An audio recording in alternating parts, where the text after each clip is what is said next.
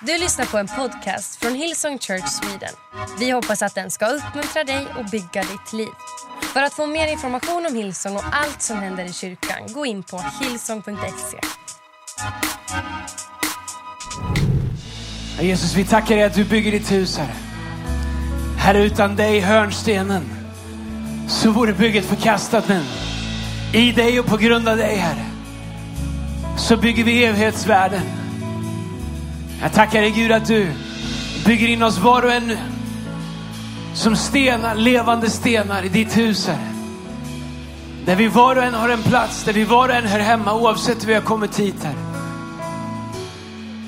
Jag ber att du skulle bygga en stad på berget. Du skulle resa upp hus i våra städer och byar Herre. Där människor kan se hopp. Där människor kan se frälsning. Där människor kan se dig Herre. Herre, låt oss få en del av det. Använd oss, Herre. I Jesu namn. Amen, amen, amen. Hej, varsågod och sitt på alla våra campus här. Tack allesammans. Tack Jessica. Var ska vi ta en här? Det är alltid någon stolpe i vägen för någon kamera. All right. Well, uh,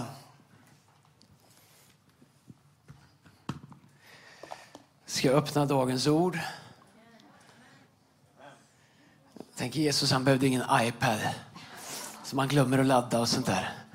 Men å andra sidan så var han ju ordet, det är ju inte jag. Jag behöver det sideboardet här också sen. Eh, för nattvard ska vi fira idag. Hörrni, hörni, vi, uh, jag ska hoppa in i ordet. Jag ska predika en liten stund. Eh, det är inte längre än vanligt, höll jag på att säga. Förhoppningsvis bättre än vanligt. Sen ska vi fira nattvard.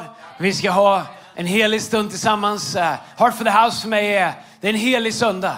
Eh, om du är ny här och tänker, vad är Heart for the House? Det är väl bara en vanlig söndag. Det, det kan det vara kanske för en del. För mig är det här en helig söndag. Det är, eh, är på så många sätt så starkt förknippat och förankrat med så mycket av det vi ser i Bibeln. För mig så går den tillbaks ända tills när översteprästen gick in eh, i det allra heligaste och gav ett offer till Gud. Eh, och Bibeln säger att vi är alla kungar och präster. Eh, därför så det vi gör idag är så mycket mer än en insamling. Det är något djupare, och det är något som når längre och det är någonting som jag tror Gud har behag till.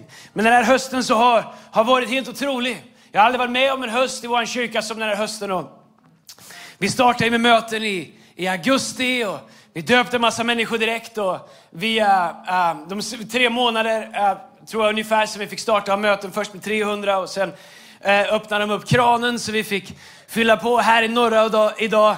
Det är få saker som gör mig gladare, gör mig gladare än att se norra fullsatt hela vägen ner i hörnen. Well done! Och rapporterna säger att det är fullt i alla våra lokaler runt om här på förmiddagen och på kvällen och massa folk online, så tack för det. Men den här hösten har varit speciell därför att jag har känt Guds närvaro uh, på ett sätt som jag faktiskt aldrig har gjort tidigare. Och under mina 15 år så, uh, som pastor sedan vi startade det här och mina 25-26 år som pastor överhuvudtaget så kan man jag kan komma på några få tillfällen när det har känts som att eh, Eh, den heliga Ande håller på att göra någonting som vi inte har sett än. Och hela den här hösten så har jag haft en känsla av att Gud gör någonting och kanske har det varit en stökig höst för dig och du har varit lite in och ut och du känner jag har inte känt någonting. Well, det är fine. Men eh, jag tror att Gud gör någonting den här hösten som vi som kyrka behöver uppmärksamma, som vi behöver fånga. Och, och när Gud gör det, när jag säger vi som kyrka, så handlar det om dig och ditt liv. Och det, det, det, det, det är kopplat till ditt liv också. Jag tycker Guds närvaro har varit på ett sätt Och, de sista söndagarna som jag aldrig varit med om i vår kyrka. Jag har hört rapporter om mirakler i, i människors liv, i människors vardagar på ett sätt som jag, jag aldrig hört. Igår det var smattra i telefonen om människor som berättar om saker Gud har gjort och, och du vet så här, eh, kopplat till vad de står i tro för, för Heart for the House. Vi har inte ens kommit till Heart for the House än. Så dagens predikan heter Drömmen lever. Uh, inte för att den har varit på väg att dö, men. Och inte för att Guds dröm för sitt rike bara är Hillsong. Jag tänker mer och mer på den länk som vi är i det som startade för 2000 år sedan. Hur drömmen och hur Guds löften, det kan knappt, man kan inte säga att det är en dröm när Jesus säger att han ska bygga sin kyrka. Men hur Guds löften har manifesterat sig genom alla säsonger. Genom krig och förföljelse och sjukdomar och äh, olika säsonger som världen har varit i de sista 2000 åren så är det som att Gud alltid har liksom en ny väg. Det är som vatten som rinner som på något sätt alltid hittar en väg och tar sig fram bara den har lite kraft. Det finns ett bibelställe som jag jag har läst det många gånger och jag har återvänt till det de sista veckorna Eh, när jag har tänkt på den säsong vi är i och den säsong vi är på väg in i. Eh, och eh, det här speciella som det har varit och ha en pandemi som ingen aning, ingen visste att den skulle komma. Den drabbar alla på olika sätt. Och, men, men grejen är så här, jag har haft ett bibelord med mig genom hela pandemin som har varit. I allt detta vinner vi en överväldigande seger.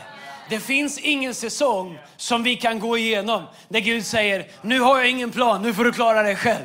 Du vet, så här, kortsiktigt kan det se ut som det påverkar oss, men i allt detta, vilket då? I allt.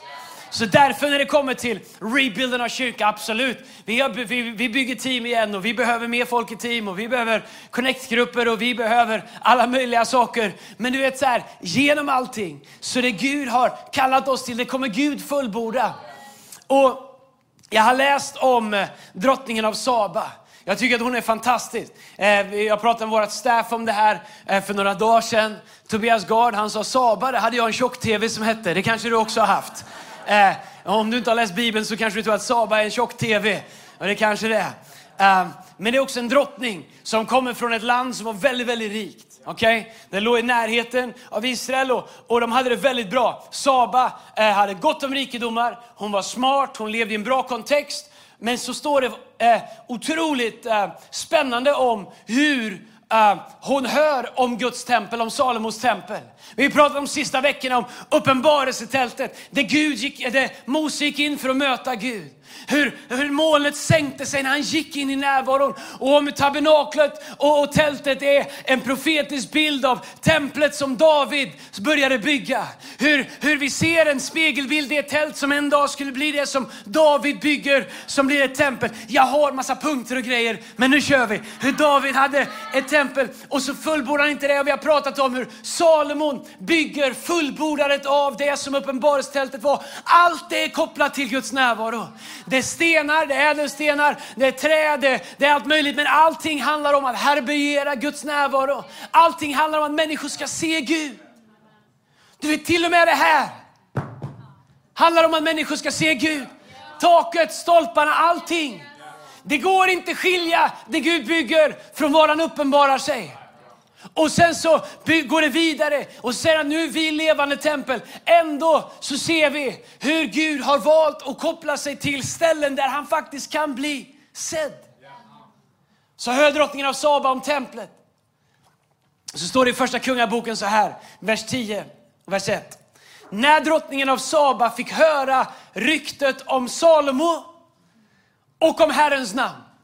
Jag älskar det, att när vi lever och leder så som Gud har tänkt, så hör människor ryktet om vad vi gör, men också om Gud. Det fanns ingen åtskillnad mellan Herrens namn och Salomon, hans ledarskap och templet och folket och de som var där. Det var så att Herrens namn var skrivet över alltihop. När man måste hitta ett sätt att säga, ja just det, och så, så tror vi på Gud här också, men det säger vi inte förrän du har varit där i två år och vi har verkligen fått tag i det. Du vet, någonting är fel om inte Herrens namn alltid också uppenbaras och en del av attraktionen. För det står, när drottningen av Saba fick höra rykte om Salomon och om Herrens namn, hon kände alltså inte till Gud. Kom hon för att sätta honom på prov med svåra frågor. Vet du, exakt samma sak för människor som kommer till kyrkan för första gången. De säger, jag ska se om det här är sant. Det är så Saba kommer. Hon säger, jag ska se om det här med Gud stämmer. Jag ska se om de är så glada som de säger. Jag ska se om friden som verkar vara i templet, om den är på riktigt. Och om, om det är harmoni, om det är de svar som verkar finnas där. Om välsignelsen, om favören, om den är på riktigt. Så hon kom för att sätta det på prov med svåra frågor. Hon kom till Jerusalem med ett mycket stort följe och med kameler som bar väldoftande kryddor och guld i eh, mängd samt dyrbara stenar. När hon kom inför Salomo talade hon med honom om allt som låg på hennes hjärta. Det är någonting när hon kommer till Salomo som, som, som, som gör att hon känner en sån trygghet, både med Herrens namn och med Salomo. Så hon, hon känner, jag, jag kan fråga honom om allt, jag kan prata med honom om allt. Det är någonting som river ner hennes fasad, river ner hennes försvar, river ner eh, liksom det som får henne att vilja hålla distans till Gud och till allt det här. Utan det finns en attraktion i närvaron i Salomon, i templet, i människorna som gör att hon vill prata med honom om allt som låg på hennes hjärta. Lyssna. Och Salomon svarade på alla hennes frågor. Ingenting var dolt för kungen, utan han kunde ge henne svar på allt. Kolla här, okej, okay. så nu har hon fått möta det. Nu börjar hon prata om vad hon ser. När drottningen av Saba såg, alltså den gick att se, Salomos vishet. Inte bara tolkade eller när hon såg. Den gick att ta på. Den var på riktigt. När hon såg hela Salomos vishet och såg huset han hade byggt och rätterna på hans bord och hur hans tjänare satt där. Och hur de som betjänade honom skötte sina sysslor och hur de var klädda. Och hans hovmän och brännoffren som han offrade i Herrens hus blev hon utom sig av förundran. Så det går från vad hon har hört till att hon får uppleva det till att helt plötsligt så börjar hon beskriva vad hon ser. Men hon säger inte, jag såg änglar, jag såg keruber, keruber, googla det, eller läs Uppenbarelseboken. Jag såg serafer och det kom de, ängeln Mikael kom och dansade med mig. Så nej, hon ser vanliga saker. Hon såg människorna, hon såg maten. Hon såg hur de serverade den. Hon såg hur allting var. Det gick att ta på den. Var ska du? Ja, det var fotografen. Sätt dig någonstans där, annars så tror jag att du Antingen vill bli frälst eller att vi ska slåss. Tack ska du ha för övrigt. Salomos tempel. Jag såg P.L. Cummings, han var på väg att göra en amerikansk fotbollstackling på det där. Du hade hamnat, vi har ingen dopgrav men. Salomos tempel är en profetisk bild av det vi bygger. Salomos tempel är en profetisk bild av den nya testamentliga kyrkan. Och det var någonting med Saba, vad hon såg. Det gick att komma till den. Hon kunde gå in i dess foyer. Hon kunde möta dess människor. Det var någonting med det som gick att ta på. Det var någonting med det som var materialiserande. Som fick henne att vända sig till Gud. Som fick henne att se Gud. Hon kom inte för att söka Gud, för hon visste inte vem Gud var. Hon kom för att se effekterna av människor som levde med Gud. Och jag inser att vi kan stå och prata hur mycket som helst, men om inte människorna kan komma och ta på och se effekterna av evangelium, så allt vi gör är propaganda. Och det drottningen gör, hon säger kom låt mig ta på det och se om det jag hör är någonting som är sant. Varför är allting så viktigt för oss? Varför brinner vi så mycket för nya byggnader? Varför brinner vi för att, för att göra saker excellent? Varför brinner vi för att ta hand om det vi har så att Gud kan ge oss mer? Därför att vi inser att människor vill se innan de kan förstå. Människor vill möta dig i en foyer, i ett köpcenter, på en mack, på din arbetsplats. De vill se Gud, de vill ta på det. De vill att det ska vara på riktigt så att de kan känna. För det som händer är att, att vi kan läsa det sen, det som händer är att Saba får en upplevelse av Gud. Drottningen kommer för att se vad det är alla pratar om med templet. Vi kallar det en stad på berget, som alla kan se. Men om man ska vara helt ärlig så är det inte alltid en ström för att komma och se vad det är Gud gör. Det är inte alltid en ström för människor att säga jag måste bara komma. Du vet, det är inte som, alltid som när de har en ny åkattraktion på Grönan och alla måste åka och testa den. Eller de har någon ny på, på, nere på Liseberg eh, och man bara kan ta sig över alla spårvagnar och grejer utan att bli ihjälkörd så kan man ju testa den. Du vet, så här, men det är det som händer här. Att hon har hört långt borta ifrån ett annat land. Det är någonting, det verkar ha med någon Gud att göra. Jag måste åka och se det själv. Vad mötte drottningen av Saba när hon kom? Och vad vill vi ska möta människor när de kommer till vår kyrka? Vad vill vi människor ska uppleva? Vad vill vi ska vara deras takeaway för människor? Så kommer jag skriva ner sju saker, det är det heligaste numret jag vet. Får se hur många vi hinner. Men det första som vi ser att hon möter, det är Salomos vishet. Du vet i en värld som lever där alla har något att säga, men väldigt få har någonting att säga. Så behövs gudomlig vishet mer än någonsin. Och du och jag, vi har tillgång till en helig ande där du och jag kan leva och leda våra liv, våra familjer, våra connect våra kyrkor, våra vardagar, våra karriärer, vad vi gör med gudomlig vishet. Salomon han är vis för att han har Guds ande i sig. Han får en fråga av Gud och Gud säger du får be mig om vad du vill och du ska få det. Han kunde bett om pengar, han kunde bett om fru, han hade för många sådana i och för sig, men han kunde bett om vad som helst. Men han sa, ge mig vishet.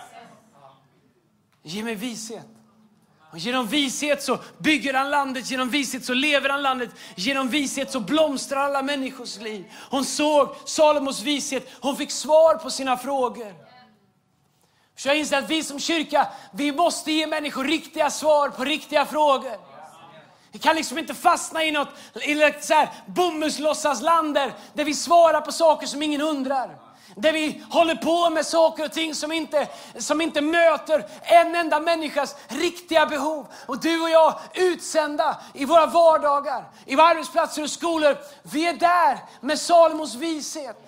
Du är där för, för du har svar. Inte ens det du har svar på har du svar på. Därför att vi har Guds ande. Och våra hus måste vara kända för att där finns vishet. Där finns råd. Där finns sanning. Där finns vägledning. Och vi som kyrka måste alltid vara committade till att vara en del av svaret. Inte bara en del av konversationen. Inte bara en del av problematiseringen.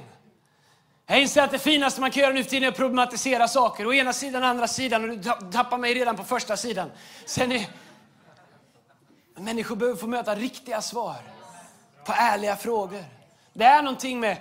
Vi behöver en talarstol som går att hänga på. Det är någonting med Saba när hon kommer, drottningen Saba, där hon känner att här kan jag ställa mina riktiga frågor. Hon fick svar på alla sina frågor. Vad är det för frågor som du egentligen skulle vilja ha svar på? Vad är det för böner som du egentligen ber till Gud, som du inte ens vet? Kan jag be det här? Får jag fråga det här? Våra utmaningar, våra tvivel, våra frågor, det vi inte förstår. Pusselbitarna som vi inte får ihop. Du förstår, Guds hus är en plats där Gud vill ge svar på det. Det andra jag läser i texten är att hon såg huset Salomo hade byggt. Och eh, jag vet inte varför, men jag tror att det är något som Gud har gjort i mig. Men Gud har gett mig oss en extrem passion för den, den materialiserade sidan av Guds hus. Jag vet att Gud bor i oss. Jag vet att Gud inte bor i lokaler. Jag vet att Gud inte bor på Cederströmslinga här i norra. Men jag vet att när vi är här så manifesteras han här. Men jag har ändå en enorm kärlek till det faktum att vi har platser där vi möts. Och när jag läser om det här så ser jag att när hon kommer, när hon kliver in genom portarna, när hon ser borden, när hon ser templet, så hjälper det henne att se Gud. Det är när hon ser excellensen. Det är när hon ser att här verkar det bo människor som, som bryr sig om någonting. Det här verkar viktigt. Allt verkar hänga ihop. Och du vet så här, vårt mål som kyrka är ju inte att ha en excellent spirit bara för att allt ska vara perfekt. Därför att vi tror ju att allting med oss säger någonting om Gud. Allting med oss säger någonting om vad är vi en del av. Det bygger eh, bilder och förväntan hos människor som kommer. Anledningen att när du kommer in att det står människor och välkomnar dig. Anledningen att det är människor på parkeringsplatser. Det är ju för att det här, vi gör någonting viktigt här och vi vill att du ska känna att du är en del av det. Och att du är, vi är glada att du är här och att du är välkommen hem. Men jag tror att Gud har gett oss en unik möjlighet att bygga en kyrka som förvandlar nationer. Och jag har tänkt på den här klocktonen det sista. Jag vet inte varför. Jag har aldrig tänkt på, på liksom stadskyrkan, jag vet inte vad de heter, eh, Svenska kyrkans eh, eh klockton längre. Hur de står och byggdes som fyrbåkar. Jag tror att Gud, jag tror att vi går in i en säsong de nästa 15 åren när Gud kommer ge oss byggnader när vi kommer starta campusar för att vi får en byggnad runt om i vårt land. Och jag tror att byggarna, byggnaderna är viktiga. Därför så är jag så passionerad för att ta hand om det vi har. Därför att jag tror aldrig, vi kan säga vi behöver inga byggnader, vi kan bara samlas. Vi kan samlas var som helst och Gud kommer manifesteras där. Men om vi ska bygga någonting där samhällen säger, där bor hopp, där finns frid, dit kan jag, där kan jag låta mina barn gå, där kan jag komma, där finns Gud, där har de svar, där finns vishet. Då tror jag på att det ska vara en plats där man kan ta sin fysiska kropp och ta den dit och få möta Gud där man är. För hur ska någon kunna säga, jag behöver ingen byggnad, jag ska hitta Gud, jag gör en egen liten kyrka här hemma, tänder ljus ljus, säger kom. Det funkar ju inte. Det är Därför våra byggnader är viktiga. Det är därför när vi samlar in till Heart for the House att våra byggnader spelar roll. Därför att det behöver gå människor genom ytterdörrarna där som inte har hopp men som kommer hitta hopp. Genom dörrar som vi har byggt. På uppfarter som vi har sopat. Sitta i rum som vi har gjort uppoffringar för att de ska finnas. Så att människor som drottningen av Saba kan säga, måste komma och se. Få ställa mina frågor och få möta det ansikte mot ansikte. Och jag är övertygad om att om vi förvaltar det Gud har gett oss så kommer han alltid ge oss vad vi behöver. Det står också att hon såg maten. Hon såg hospitaliteten, hon såg gästvänligheten. Jag inser i vår kyrka, eh, sorry om det här blir lite internt, men jag är en passionerad eh, believer eller övertygad om att de bästa predikningarna de börjar ute på, på parkeringsplatserna. De börjar vid tunnelbanestationer. Du förstår, jag, jag är övertygad om att en bra frälsningsinbjudan, den börjar med en glad människa som har gått upp lite extra tidigt, ställt sig ut på parkeringsplatsen för att hjälpa människor att så smidigt som möjligt hitta ett ställe att parkera, kunna ta sig in, checka in sina barn, få ett bra bemötande, få möta glädje. Precis som drottning av Saba säger att jag såg teamen, jag såg dem som tjänade där, jag såg dem som var en del av det. De var glada och jag tror att på samma sätt så kan vi se en enorm skillnad i våra gudstjänster. Jag kan säga, jag kan gå igenom våran foyer här i norra och ganska pricksäkert säga hur våran gudstjänst kommer vara. Därför att så som atmosfären är i foajén, det så blir det atmosfären här inne.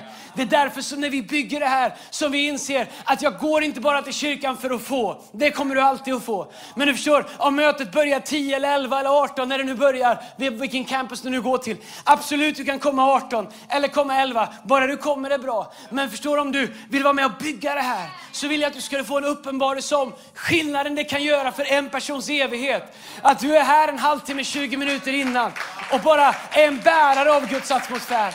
Bärare av hans rike. Att du kanske en gång varannan, var tredje söndag tar på dig en häst, hjälper människor att hitta rätt, bär en barnvagn åt en ensamstående mamma som ska ner på Kids, hjälper någon att parkera och säger glöm inte lägga på för att nu har grannarna börjat ta betalt för parkering här ute. Det kanske ni har upptäckt om inte annat. Hoppas inte för, för bryskt att ni har upptäckt det. Men lägg på parkeringsautomaten inte nu, det är redan kört, sitt kvar. Gud hjälper dig, jag lovar. Men du vet, för Saba, upplevelsen av Gud var direkt kopplad till människorna som var där. En av de sakerna som jag fick lära mig tidigt, som har hjälpt mig jättemycket, det är att i alla rum se mig som en värd och aldrig som en gäst. Inte ens i rummen som jag är gäst. Och jag inser att om jag uppför mig som en gäst, då är jag passivt väntande på att någon ska göra, någon borde fixa, någon ska hjälpa mig. Men om jag bestämmer mig för att i alla rum som jag är i, se mig som en värd, Även om jag är på en restaurang, även om jag är hemma hos dig, även om jag är någonstans jag aldrig har varit på, även om jag är inbjuden till en annan kyrka i ett annat land för att predika, så jag har bestämt mig för att alltid se mig som en värd.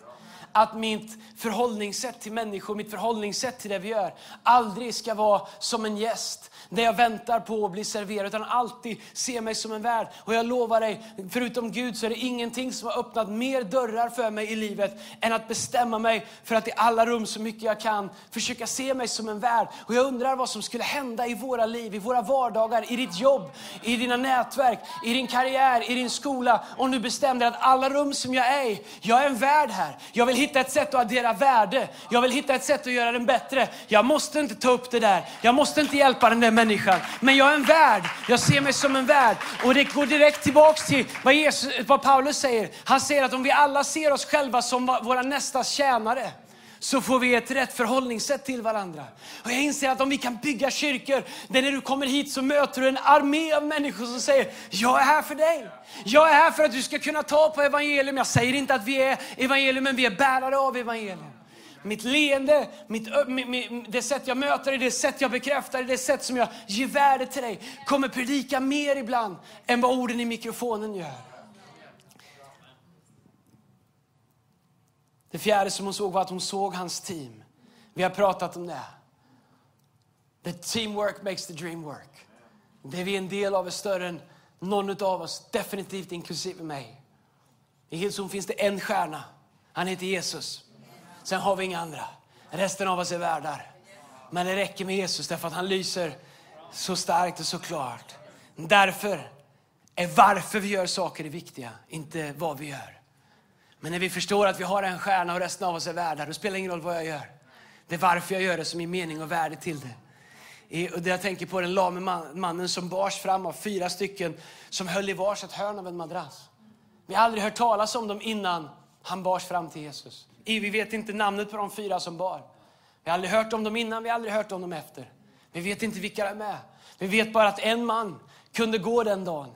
För att det fanns fyra personer, ansiktslösa värdar, tjänare som bestämmer sig för att säga, vet du vad, jag kan ta ett hörn. Jag tar ett hörn. Jag bär. Jag gör det här. Vi vet inte vad de heter, men vi kommer säkert få höra om dem när vi kommer till himlen. Och Det är det som är det fina med att få tjäna Gud. Det femte är att de såg, hon såg hur de var klädda.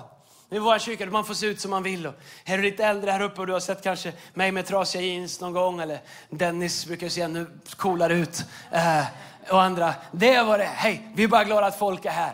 Helt och rent och tvättat. Och jag har sagt till allihopa, om vi är på scenen, låt oss se till så vi inte har rullat ur sängen rakt upp på scenen. Det är ändå, men ha en egen stil, det är vad det är. Men jag tror inte att det är det som eh, det här ytterst sett talar till om oss om.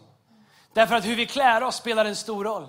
Vi kan klä oss i eh, präktighet. Vi kan klä oss i självgodhet. Vi kan klä oss i att vi är lite bättre, vi kan klä oss i att, i att vi är lite mer. När vi möter människor. Ibland om man ska vara helt ärlig så är det ju det som kristendomen har emot sig. Att vi klär oss i någon slags präktighet, att vi är lite bättre. Jag svär minsann inte. Jag lägger inte pengar på sprit. Jag är minsann lite bättre. När, när vi inser att det finns ju ingenting med oss som är bättre än någon annan. Enda skillnaden är att vi har fått möta Guds nåd.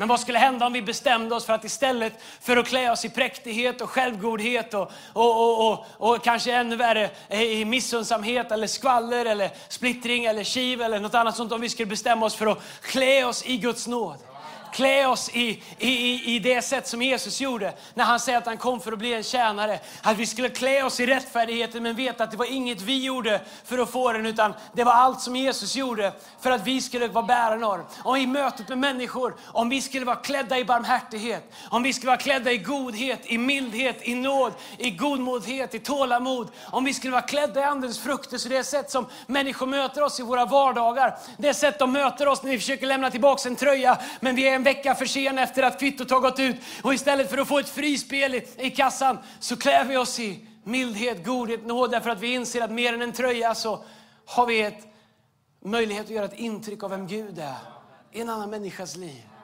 Det var någonting med vad drottning Saba såg i hur de var klädda som var attraktivt.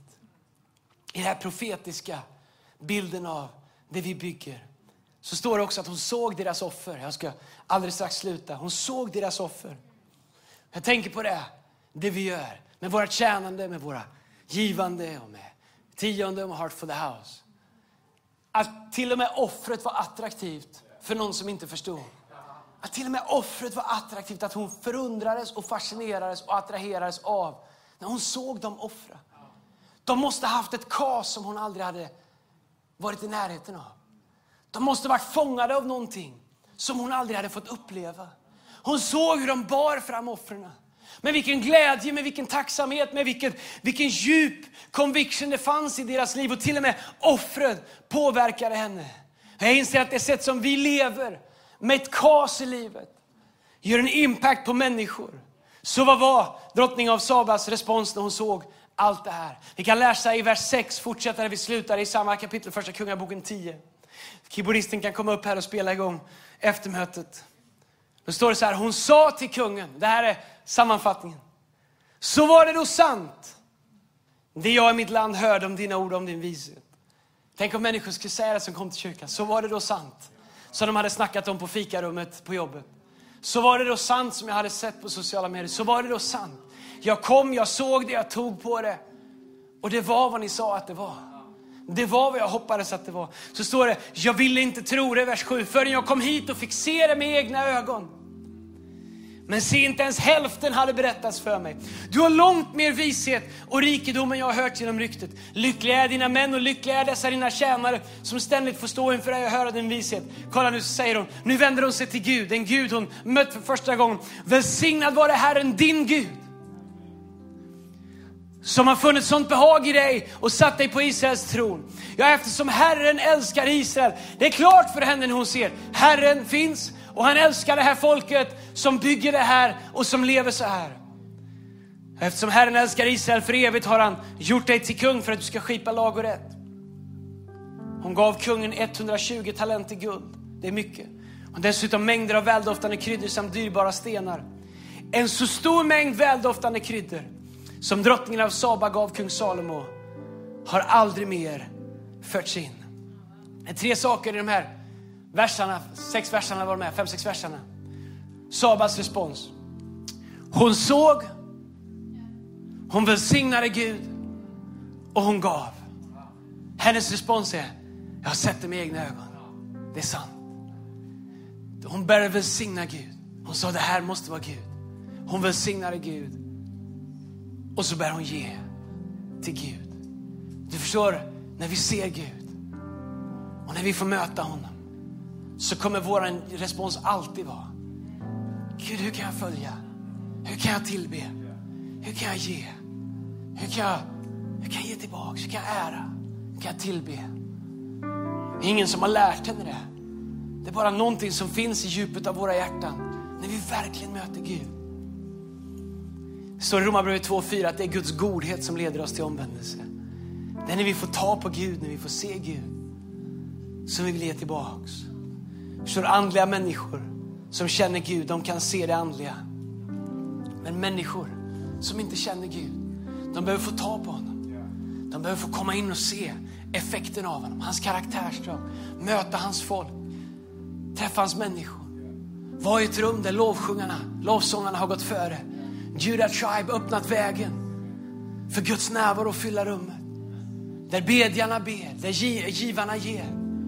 Där de som följer Jesus samlas. Det är människor som förstår värdet av att tjäna honom och representerat Gud och visat Gud för människor redan på en parkeringsplats eller en toalettkö eller på vägen in på det mest praktiska sätt. När de ser hur vi har ställt i ordning, när de ser våra liv här inne men också i våra vardagar. När de ser hur vi är klädda i Guds barmhärtighet, hans nåd, andens frukter i våra liv. Så här är min bön att människor skulle säga om oss. Vi har sett Gud, vi ärar Gud och vill vara med och bygga hans rike.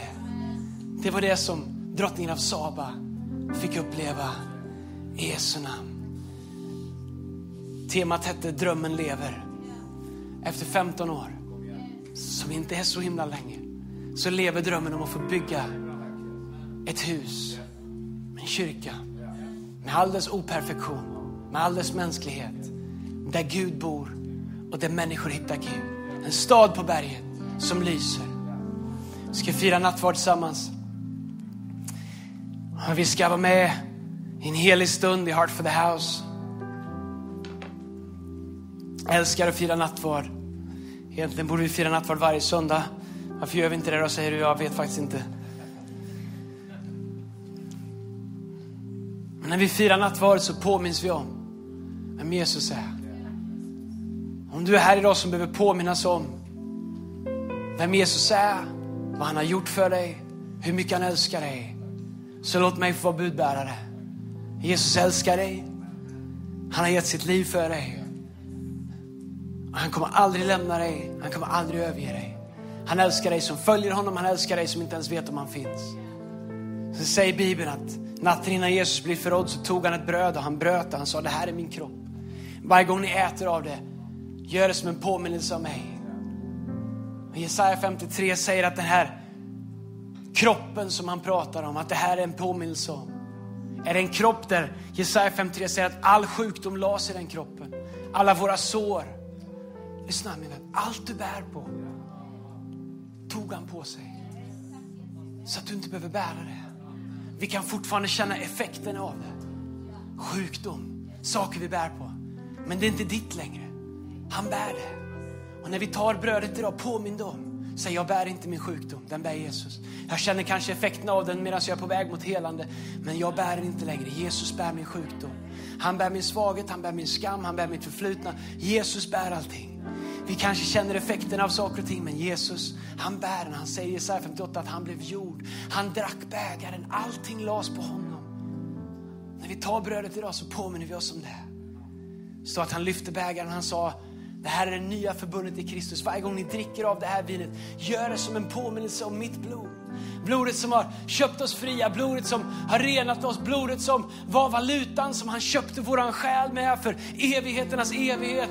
Det som en gång för alla blev utbytet mot våran synd och skam och gav oss en väg in i rättfärdighet och relation och frihet. Och djävulen och fienden kommer alltid säga att blodet inte räcker, att vi också ska bära lite skam, att vi också borde känna oss lite skyldiga. Men det du behöver lära dig göra det är att ta bägaren och säga djävulen, du tittar på fel person. Titta på bägaren, rättfärdighetens bägare. Och Jesus han har fyllt den med sitt eget blod och han har köpt mig fri. Jag är inte perfekt än, men blodet är perfekt för min skull i Jesu namn. Säger han varje gång vi dricker av det, låt oss påminna oss.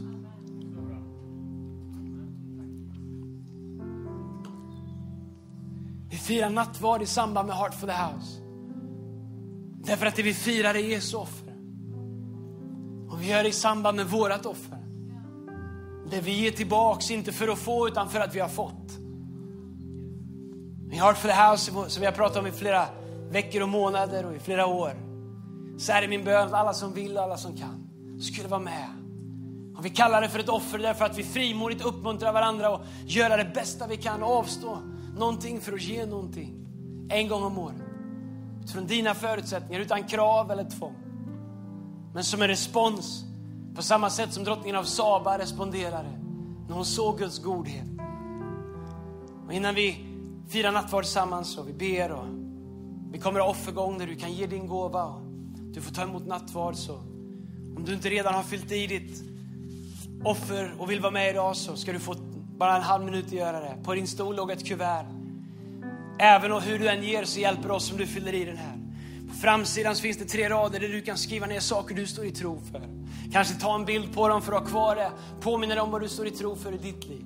Inte som att vi ger för att få eller som att vi kohandlar med Gud, men för att Gud vill göra mirakler i ditt liv.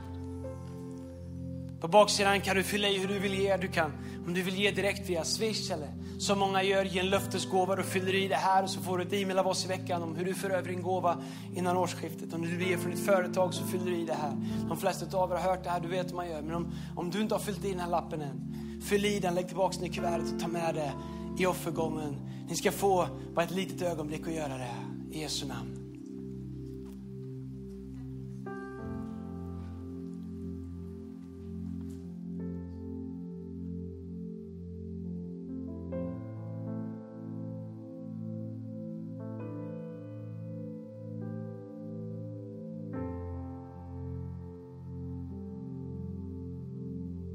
Amen.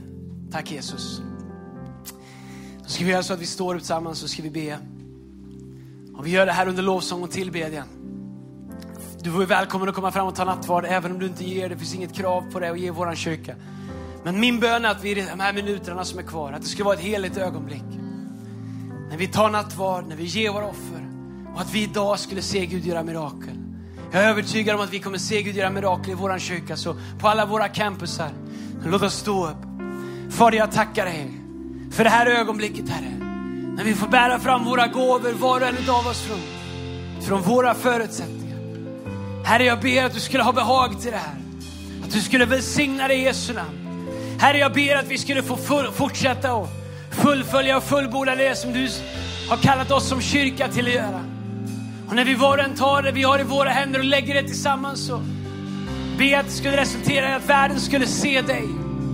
Herre, låt din heliga Ande göra ett mirakel här idag. Välsigna det här i Jesu namn. Jag ber för var och en, för varje person, varje familj som är med och ger. Välsigna deras gåvor, välsigna var och en i Jesu. Herre, jag tackar dig för din kropp. Jag tackar dig att du tog all våran synd, våran skam, våran sjukdom, vårat förflutna på dig, Herre. Herre, idag när vi tar del av brödet så påminner vi oss om att du bär allting i vårat ställe. Herre, jag tackar dig för bägaren, nya förbundet, frihetens förbund, rättfärdighetens förbund, rening i Kristus. I Jesu Kristi Nazarens namn. Amen. Vi kommer ha en vanlig offergång, vi har haft det många gånger. och Du bara står kvar till en värd kommer och säger att det är dags för din rad. Det finns också förbön på varje sida för er som vill ha förbön i Jesu namn. Vi lovsjunger tillsammans. Come on, låt inte det här bara bli en logistisk övning. Vi fyller rummet med lovsång, vi tillber Gud under tiden. I Jesu namn.